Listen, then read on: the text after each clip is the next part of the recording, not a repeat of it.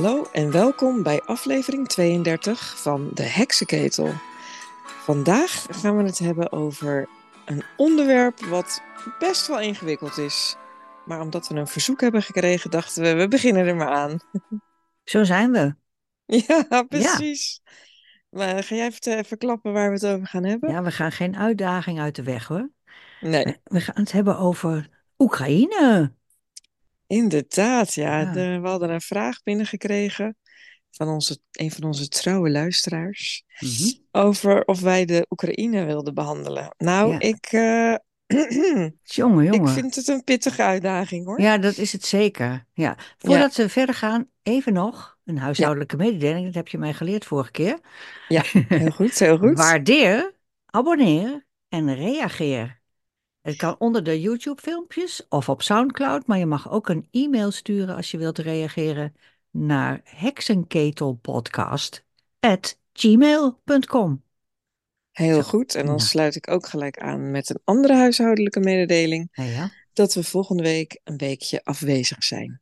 Ja, even pas op de plaats. Het was zo'n moeilijk onderwerp. Er Ja, komen.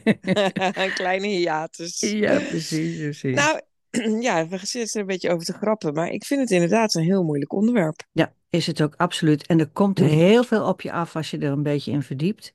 Ja, eh, geschiedenis, eh, maar ook het heden, alle partijen die een rol spelen. Echt, Mhm. een- wat ik geprobeerd heb, is een beetje inzicht te krijgen in, in het narratief wat over ons heen gestrooid wordt ja. in het Westen. mhm. En wat daarvan waar is. Nou, dat is Ja. een opgave.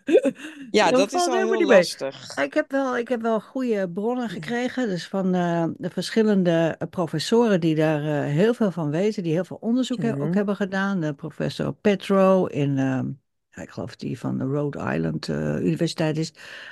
Professor A Abelov, als ik het goed uitspreek, die Mhm. daar ook een uitgebreide analyse over geeft. En Katjanovski, die Mhm. heeft ook heel veel onderzoek gedaan. En dat zijn hele goede bronnen die je eigenlijk nooit hoort in de mainstream. Nee, dus dat, dat is klopt. ter aanvulling op de, de mainstream. En daar heb ik veel van geleerd. Ja, oké. En jij? Ja, ik heb vooral een beetje. Nou, ik, ik had sowieso al best wel wat dingen erover ehm, eh, gehoord en gelezen. En eh, zoals ik vorige keer ook al aangaf, ben ik natuurlijk ook een keer naar zo'n ehm, congres geweest over Oh ja, Oekraïne, ja, waar een precies. aantal mensen spraken. En dat was heel interessant. En dat was eigenlijk vooral heel interessant omdat er een eh, oudere heer eh, met mij mee was. eh, of twee oudere heren, maar die ene die had zo ongelooflijk veel kennis over de geschiedenis en over wat er gebeurd is op bepaalde cruciale momenten. En toen dacht ik echt van, oh ja, als je dat dus allemaal niet weet, en ik kan me nu natuurlijk echt niet meer herinneren waar het nou precies over had, maar ik, daar heb ik wel de, de waarde van de, je geschiedenis kennen eh, geleerd Mhm, omdat hij ook best wel, ook nog wel wat opmerkingen had over bepaalde sprekers, hè, die dan misschien wat te kort door de bocht gingen voor, voor hem. mhm. Dus in, in dat opzicht vond ik het heel interessant om dan ja, bij ja, eigenlijk meerdere standpunten te horen. Ja. En ook te, me te realiseren dat ik het eigenlijk gewoon niet weet. En ik het ook heel ingewikkeld vind om, eh, om te kunnen zeggen nou ja, waar ik sta of wat ik ervan vind. Ik heb ook eh, naar Konstantin Kissin geluisterd. Oh ja, dat is Ik weer vind- een ander verhaal. Ja. Ja, die vind ik ook heel inter- interessant, omdat hij natuurlijk zelf uit Rusland komt. En eh, nou ja, heel, zijn standpunt is inderdaad dat Rusland Oekraïne niet had mogen invallen. Ja, nou, laten we Ehm, het daar eens over hebben dan. Van ja, wat, eh, dat wat is een het, goeie. zeg maar, over de, de feiten die we dan een beetje kunnen reconstrueren. Dat er Mhm. is een inval geweest twee jaar geleden. En er is Mhm. geen mogelijkheid om te zeggen dat die gerechtvaardigd is. Dat is gewoon niet. Dat, dat kan gewoon niet. Nee, Eh, eh, klopt. zeg maar juridisch gesproken. Nou doet Amerika ook heel vaak dat soort dingen die niet kunnen. Maar dat is geen Ja. argument. Hè? Ik bedoel, als je de Nee, feit, dat is feit op zich whataboutism, bekijkt. hè? Ja, precies. En, dat, eh, eh, en ook van eh, de hele tijd relativeren van ja, maar hij doet het ook en zo. Ja, Dus het is gewoon, het klopt niet dat hij is binnengevallen. Maar Nee. je kan het wel begrijpen. Je kan het begrijpen, maar dan heeft, moet het Westen wel even zijn best doen om het te begrijpen. En dat weigeren ze categorisch, mhm, is ja, mijn opvatting. Dat als je kijkt, ik heb natuurlijk ook het interview met Poetin gezien. Ja, En die gaat heel, heel ver terug in, de, in het verleden. Nou, dat doe ik niet hoor. nee. Dat eh, niet. Maar ik wil wel even een klein stukje terug naar de situatie na de val van de Sovjet-Unie. Mhm, Toen, eh, zeg maar 1991, 92, toen deed zich dus een hele nie- nieuwe situatie voor.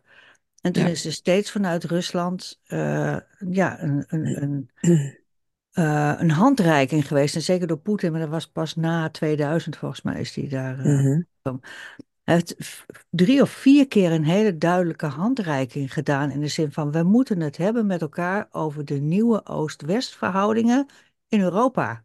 mhm, Laten we om tafel of laten we erover praten. En ik heb natuurlijk mijn eisen. mhm. Eh, ik wil wel een soort buffer, dat we daar geen gedoe over krijgen. Dat willen jullie ook, dus daar kunnen we het best over praten. Maar praat. Ja, En het Westen heeft hem altijd uitgelachen. Die ja. heeft altijd gezegd van, nou, we hebben de oorlog tegen de communisten gewonnen, dus eh, hou jij een beetje gedijst. Zo, hè, mhm, ongeveer. Als een soort bullying tegenover Ja, een, best wel een machtig, eh, machtig land, zou je kunnen zeggen. Dat is ja, gewoon ja, zeker. Maar, dom.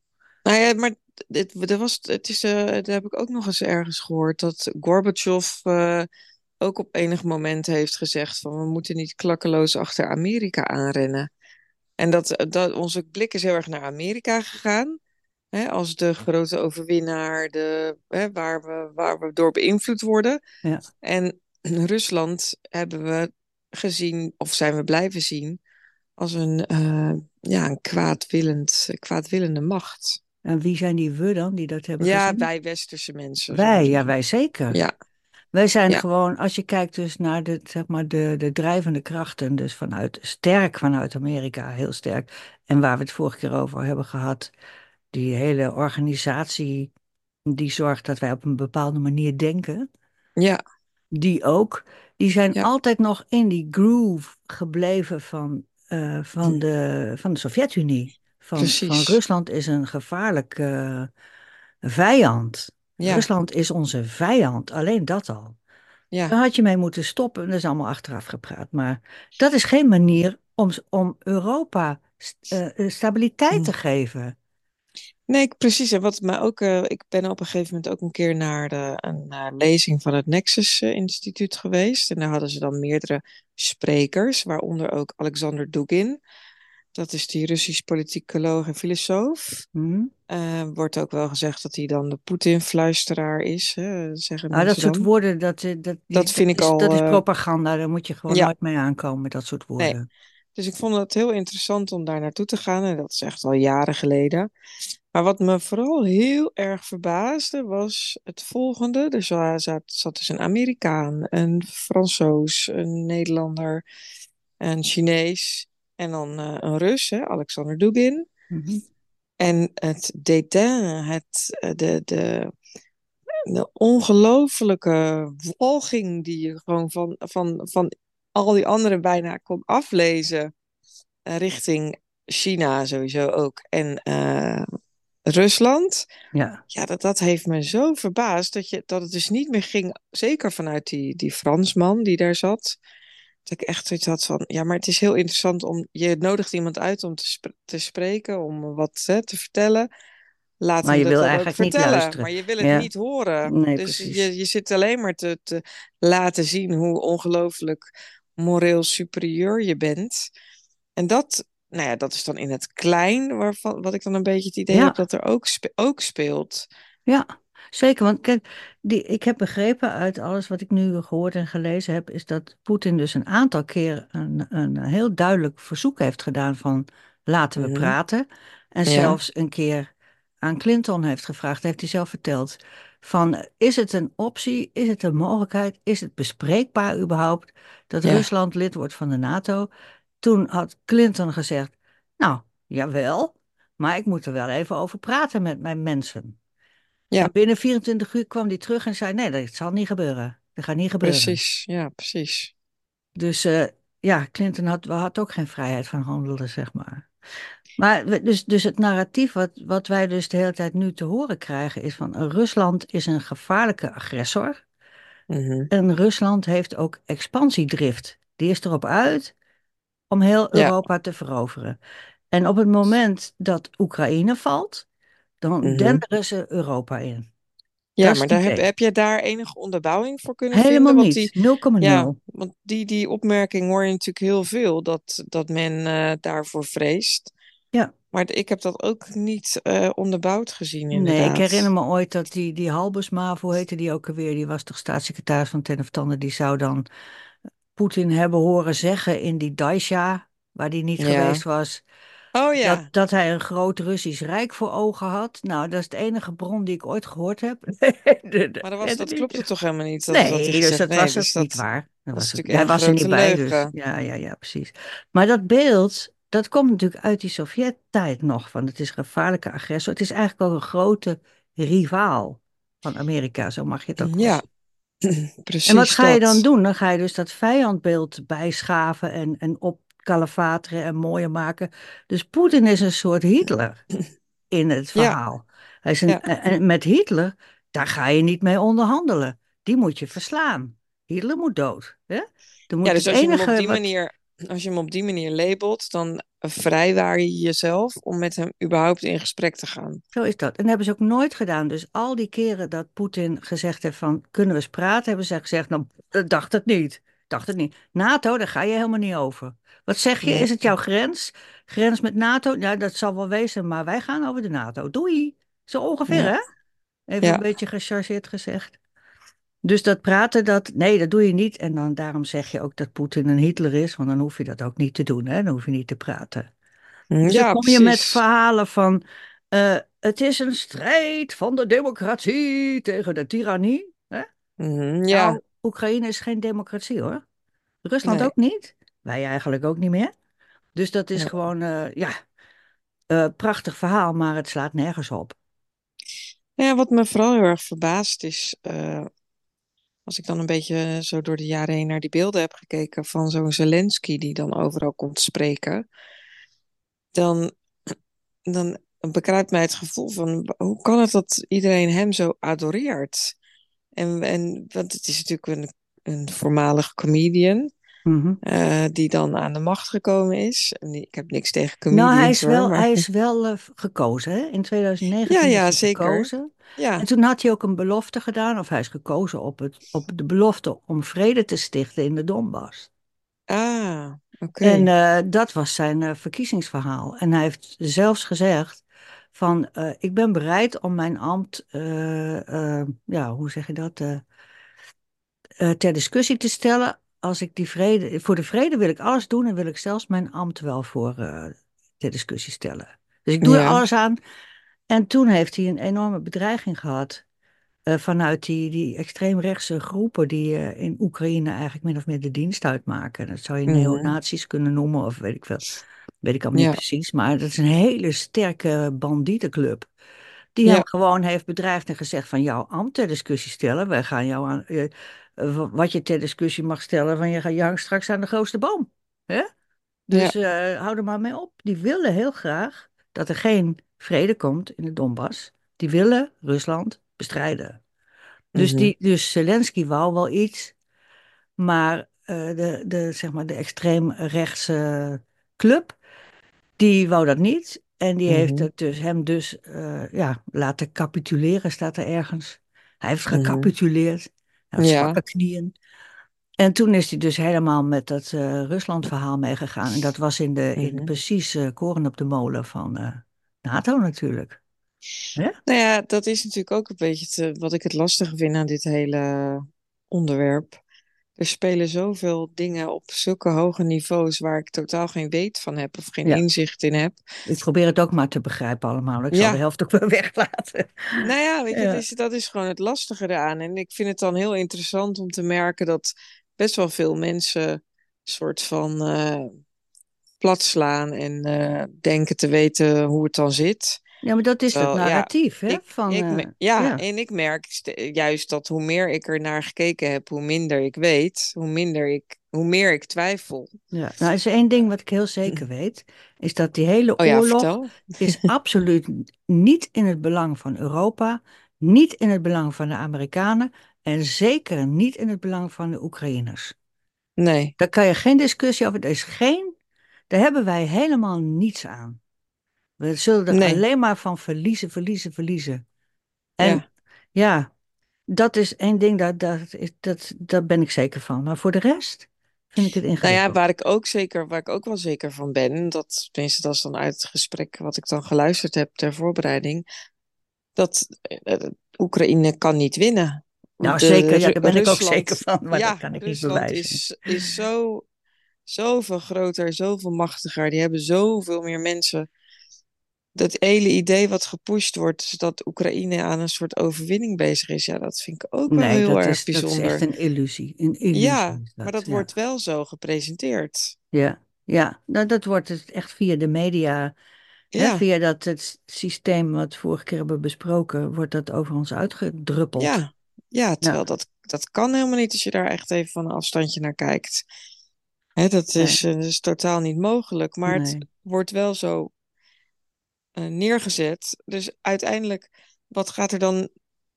Oh ja, en, en, maar wie hebben er dan wel profijt van, van dit hele gebeuren? Goeie vraag, eh, mevrouw Ja, Iris. dank u.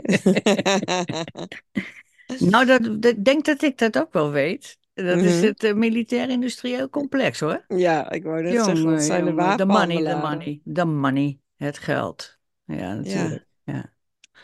Nou, wat, wat dus in een van die artikelen staat, ik denk dat Abelov dat heeft gezegd. Die zegt, wat, waar het aan ontbreekt is eh, strategische eh, empathie. Dus mhm, verplaats je, en dan had hij het dus over de periode vlak voordat die inval eh, van Poetin gebeurde. Hij zegt van, er werd dus een, waren NATO-oefeningen vlak bij de grens, ik geloof in Finland of zo, mhm. 2022, die erop gericht waren om, eh, om raketinstallaties te vernietigen van Rusland. Het was een oefening. Oké, ja, En eh, eh, deze Abelov die zegt, ja, je kan zeggen, daarmee hebben ze de oorlog over zich afgeroepen. ja, Maar, de, of, of moet je zeggen, ze hebben hem, hoe noemt hij dat? De titel van zijn artikel, even vergeten. Ehm, ja, ja, nou in ieder geval hebben ze hem uitgelokt. En dat kan op twee ja, het is uitlokking, denk ik ook wel, ja. maar het kan per ongeluk zijn en expres. En deze schrijver die zit weer op het per ongeluk eh, kanaal van, nou, omdat je zo bang bent dat er wat mhm, gebeurt, krijg je mhm. self-fulfilling prophecy. Dus je zegt, nou, ik ga me vast eh, verweren tegen een mogelijk dat Poetin mij gaat aanvallen. Dan doe ik alvast een ijzeren hek en dan ga ik alvast raketten op hem richten en dan eh, de- hou ik mijn vuistjes in de lucht. En dan ben je verbaasd dat Poetin dan ook een vuistje terug doet, weet je? Zo. Dat hij dan ja, ook, dat hij inderdaad denkt van, ho, ho, er worden raketten op mij gericht. Dat is niet de bedoeling. Ik bedoel, Ja, maar toch wat hij daardoor natuurlijk wel over zich heeft afgeroepen, de, sancties en alles, dat raakt natuurlijk ook, eh, ja, het raakt vooral Europa, of heb ik het, heb ik voor ja, mijn het raakt gevoel, hem maar niet hoor. Raakt hem niet. nee, Het nou gaat ja, nog, het is nog nooit zo goed gegaan met de economie van Rusland als nu. Ja, We oké. zijn de beste economie van heel Europa. Ja, dat is dan Dus nee, dit werkt gewoon helemaal niet. Nee, dat is, dat is window dressing, echt waar. En wij hebben er last Mhm. van. We hebben ons in onze eigen voet geschoten.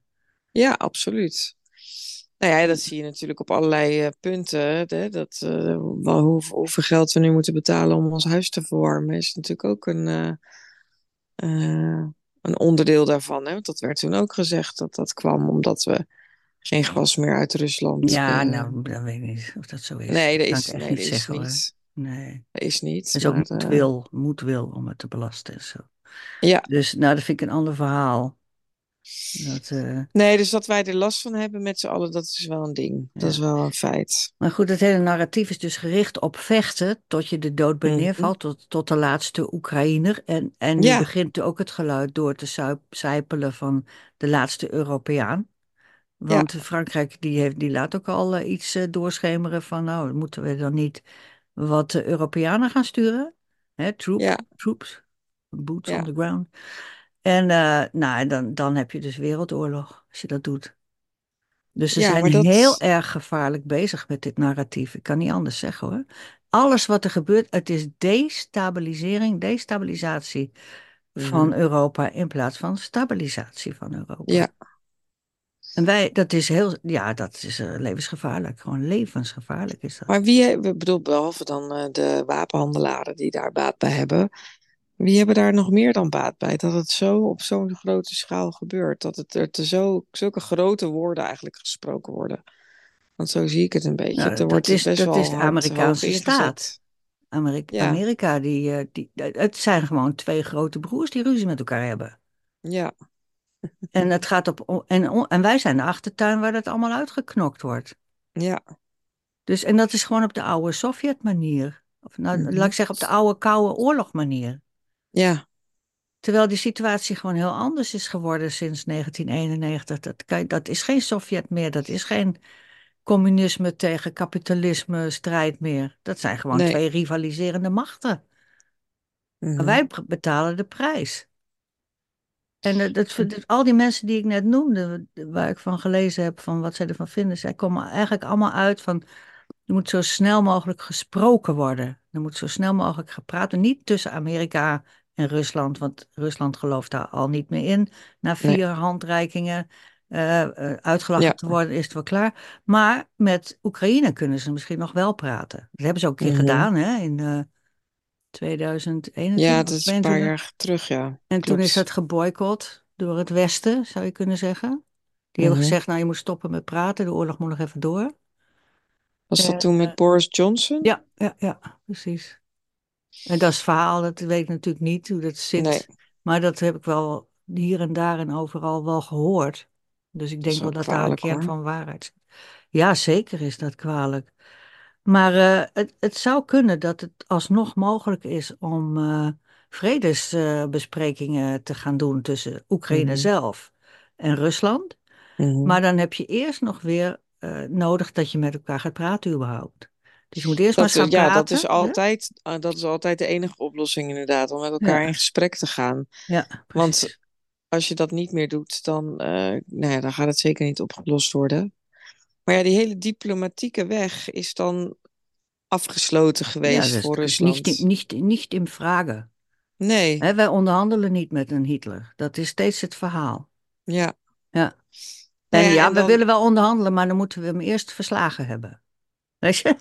Dan ja, moeten we eerst, eerst eh, dan moet hij moet eerst op zijn knieën, ja. Ja, ja, ja, precies. En dan maken we Oekraïne nog even NATO-lid en zo. Dus nee, dat is geen manier van praten natuurlijk. Nou ja, dat is natuurlijk, eh, dat, maar dat is ook het- wat ik ervan begrepen heb. Het stukje dat de NATO zich uitbreidt, terwijl daar eerder van gezegd is dat gaan we niet doen. ja, Nou, dat precies. gaat, dat gaan we, gaan we ze toch doen. Ja, Vervolgens dan de Oekraïne ook naar de Europa, hè, de, de- bij de Europese Unie eh, getrokken wordt. Wat volgens mij waar niemand echt een voorstander van was. ja. Ehm, dus er gebeuren steeds dingen die toegezegd zijn dat er niet, wat niet zou gebeuren, die gebeuren dan toch. Ja, wat Poetin zelf zei in dat interview is van, nou, ik hield mij wel aan mijn deel van de afspraak. Ik heb wel die 400.000 o- eh, Russische soldaten teruggetrokken uit eh. Oost-Europa. En Maar wat daar tegenover stond, namelijk NAVO niet uitbreiden naar het oosten, daar Ja, hebben ze zich niet aan gehouden. En dan gaf hij nog een paar van die voorbeelden. Ik heb dit gedaan, maar dat heeft, eh, ondertussen ging, hield de, tegenpartij tussen aanhalingstekens zich niet aan de nee, bargain. nee, En daar kon hij voorbeelden genoeg van noemen. klopt, ja. Ja, ik vond het Dus wel een interessant interview om te kijken. Ik vond het ook heel interessant wat er gebeurde, dat heel veel mensen vooral over het interview spraken, terwijl ze er zelf nog nooit, terwijl ze ja zelf niet helemaal door, door dat gezien narratief. hadden. Ja, dat Narratief, er ging je Hitler, niet. Hitler, Ja, Hitler, Hitler, Hitler. ja, En dat is heel heb kwalijk. Ja, dat is ook heel kwalijk, maar dat is al jaren aan de hand. Want ik weet nog heel Ja, goed dat jaren geleden was er een keer een eh, persmoment en eh, er werd eh, Poetin ook in beeld gebracht. En toen leek het net alsof hij zijn hoofd omkeerde en niet, niet reageerde op een vraag van een journalist. Hè, zo van, moet je die kille leider nou zien? En de echte beelden, als je ze van voor tot achter gaat kijken, neemt hij alle tijd om die journalist te beantwoorden en loopt hij daarna weg. Ja, Maar wat het nieuws haalde, was het, was het stuk wat, eh, wat, wat geknipt werd. En dat, dat was toen, dat is echt al jaren geleden, toen had ik al zoiets van, nou wat raar dat ze dat ze op deze manier doen. Hè? Want het klopt gewoon niet. Het strookt niet met de waarheid wat ze laten zien. Nee, maar het strookt Nou wel met het narratief. ja, dat dat is was heel belangrijk om te constateren. Ja, dat is eigenlijk sinds de Koude Oorlog al. Ja, maar toch, ik vind het ongelooflijk dat. Kijk, je kan een narratief hebben, maar om dan echt dingen op, op zo moedwillig te knippen dat iemand er heel slecht uitkomt, ik denk, ja, dan, Dat wat doen ben je ze dan toch ook met, eh, met Baudet en zo. Ja, Dat deden ja, ze met Wilders absoluut. ook altijd. Dat is, dat is niet Absoluut. nieuw, toch? Nee, dat is zeker niet nieuw. Nee. Maar het is wel, nou, dat is denk ik dan hetgene wat mij gewoon heel erg verbaast, is dat mensen zo vast kunnen zitten in hun posities, Nou, dat, dat, daar die. eh, onderzocht. nee, dat, dat alleen al. Maar ook de mensen die het wel onderzocht hebben, die kunnen dat ook doen. Bijvoorbeeld onze westerse leiders doen dat dus ook. En die Mhm. be- beter geïnformeerd zijn, hoop ik, dan, dan jij en ik. Ja, Maar die zitten, die hebben zichzelf de hoek ingeluld eigenlijk. Dus die kunnen ja, eigenlijk die kunnen er niet meer uit. kunnen ze niet, eh, ze kunnen niet zeggen van, oh, nou ja, het moet Nee, toch maar. Hè, dat, dat kan gewoon niet. Dat, dat, tenminste, politiek gezien, nee. kunnen ze dat niet doen. En ze zitten is, echt in die tunnelvisie. eh, die, eh, dus, dus ik ga nog even door hoor. Dus ja, dat nee, het graag. publiek, eh, zeg maar, die mensen die ik dus gelezen en gehoord heb, die zeggen van eigenlijk zou het zo moeten zijn dat de bevolking van Amerika, de bevolking van Europa en de bevolking van Oekraïne gezamenlijk zouden moeten roepen om vrede, om, zouden moeten roepen om te stoppen. Want, en dan kan de Mhm. politiek, politiek kan dan zeggen, nou kijk, het volk, het Europese volk, Ja, dat wil het. En wij houden natuurlijk altijd rekening met het Europese volk. Dus, eh, ja, hè? ja, Maar ik merk er nog niet veel van, eh, dat er nee. opgeroepen wordt om vrede. Helemaal niet eigenlijk. Nee, ik eh, merk dat ook niet. En ik, ik was afgelopen maandag even in Amsterdam. En dan zie je op zoveel plekken bij woonhuizen nog zo'n Oekraïne-vlag hangen. Oh, echt waar? Want ik heb Ja, begrepen dat die in Engeland al nergens meer hangt. Oh nee, ja, Ja. ik, eh, in Amsterdam heb ik er zeker, de, even kijken, twee Oekraïne-vlaggen en drie eh, Palestina-vlaggen. Ja. En dan, ja, als ik, als ik wat verder weg ervan ben, dan is het ook wat verder weg. En daar lijkt het nog veel meer te leven dan. Hè? Als je, omdat je dat dan ziet. Mm, valt op. natuurlijk verder geen eh, co- conclusies over trekken, maar het valt gewoon op dat daar dat dan veel meer op de oppervlakte nog is, doordat je dan zo'n vlag eh, voert. Ja, En dat was ook eh, t- zodra, op het moment dat, dat Poetin dus eh, Oekraïne binnenviel, zou je kunnen zeggen. mhm. Binnen een dag had iedereen die, die vlag in zijn bezit. ja, De Oekraïnse vlag. Dat is gewoon ook heel, georganiseerd. eh, heel apart, ja. En ook, Ja, ook op, op plekken waarvan je denkt, ja, waarom zou je überhaupt daar stelling over nemen? ja, precies. Hè, bij kantoorpanden en ik heb ze op Ja, zoveel plekken gezien. ja. Ehm, dus dat, dat is, dat, maar dat, dat wil dus dat, dat ge- geeft voor mij dan in ieder geval ook aan dat heel veel mensen zitten er heel strijdvaardig in. Dus dat hele, nou ja, dat is toch ook natuurlijk wat er gebeurd is in, eh, maar misschien trek ik nu wel hele rare conclusies, in eh, Pearl Harbor, om ervoor te zorgen dat er paraatheid was onder de Amerikanen om eh, te gaan vechten, want dat was er eerst niet. Mhm. Dus dat Oh, daar je, weet ik helemaal heel, veel te weinig van, van oh, nou, dat is misschien voor een ander moment, maar Ja. dat er dus iets, die- er gebeurt iets waardoor die paraatheid onder de, hè, de bevolking is eerst niet te porren voor enige oorlog. Hè. Dus er is geen oorlogszucht onder de bevolking, maar je moet natuurlijk wel een bepaald, het moet wel een beetje, moet wel gedragen worden door de bevolking, want anders dan krijg je natuurlijk eh, eh, gemor en dat wil je niet. Eh, En om, om daar dus voor te zorgen dat die Maar welke paraatheid er is, bevolking dan? Want, nou want ze zeggen wij, dus ook dat Zelensky doet wat zijn volk wil, mhm. maar hij heeft wel de oppositie eh, verboden. Oh Hij ja, heeft de verkiezingen uitgesteld. ja, Hij dat heeft, is eh, hij heeft waar, de media koud gesteld, zou je kunnen zeggen. En, Ja, en er zijn dus allerlei, eh, heel veel mensen op de vlucht geslagen die eigenlijk zouden moeten vechten dan. Hè, jonge, jonge eh, Jonge viriele mannen. mannen die Ja, allemaal eh, op de vlucht slaan. En die wordt dus van de straat op, opgepikt af en toe. En, en dus verplicht om te gaan vechten. Nou, die lust is Mhm. er niet echt meer hoor. Die is Nee, niet meer. Dus om nou te beweren van Zelensky doet wat zijn volk nee, wil, dat denk niet dat je dat kan volhouden. nee, maar ik bedoel meer ook eh, dat je dat ziet in, in, in wat er gezegd werd in, in Nederlandse politiek, hè, door mensen zoals zo'n Sjoerd Sjoerdsma, dat het allemaal ging over vechten. Hè. Dus het ging allemaal gericht op oorlog en niet gericht op we willen vrede, we willen zorgen dat het Nee, dat weer, bedoel eh, ik. Ja, ja, is niemand die zegt van laten we nou vredesonderhandelingen nee, lopen promoten of zo. Nee, nee, zelfs niet GroenLinks. Maar GroenLinks, daar nee, zit dus de PSP is daarin opgegaan.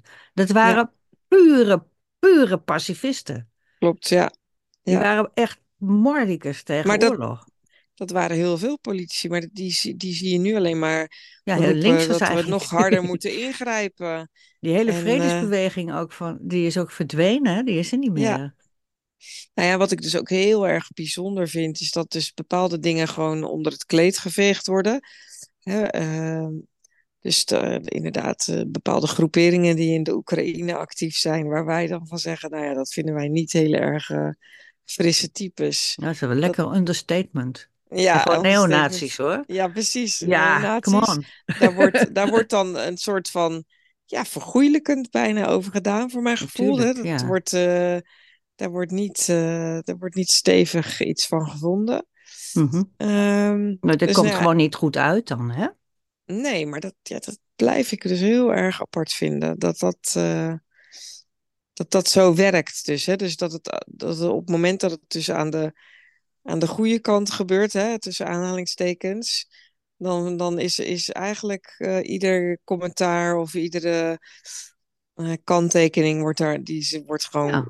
ofwel weggewoven ofwel goed gepraat. Ja, zoals Zelensky ook echt als een held op het, eh, op het schild tillen en zo. Dat Ja, echt, zodra je dus zegt van nou, hij heeft wel slappe knieën gehad en hij heeft dus, hij heeft dus, hij is gecapituleerd richting het bedreigingen. Dan ja, dat, dat mag niet gezegd worden hoor. Nee, klopt. Dus dat is ook wel weer waar dit heel erg, waarom, het, waarom ik het heel lastig vond om hier goed een, eh, een mening over te kunnen vormen. ja. En Dus als je is, nou zegt, als ik jou nou vraag van wat moet er nou volgens jou gebeuren? Wat moet er nu gebeuren?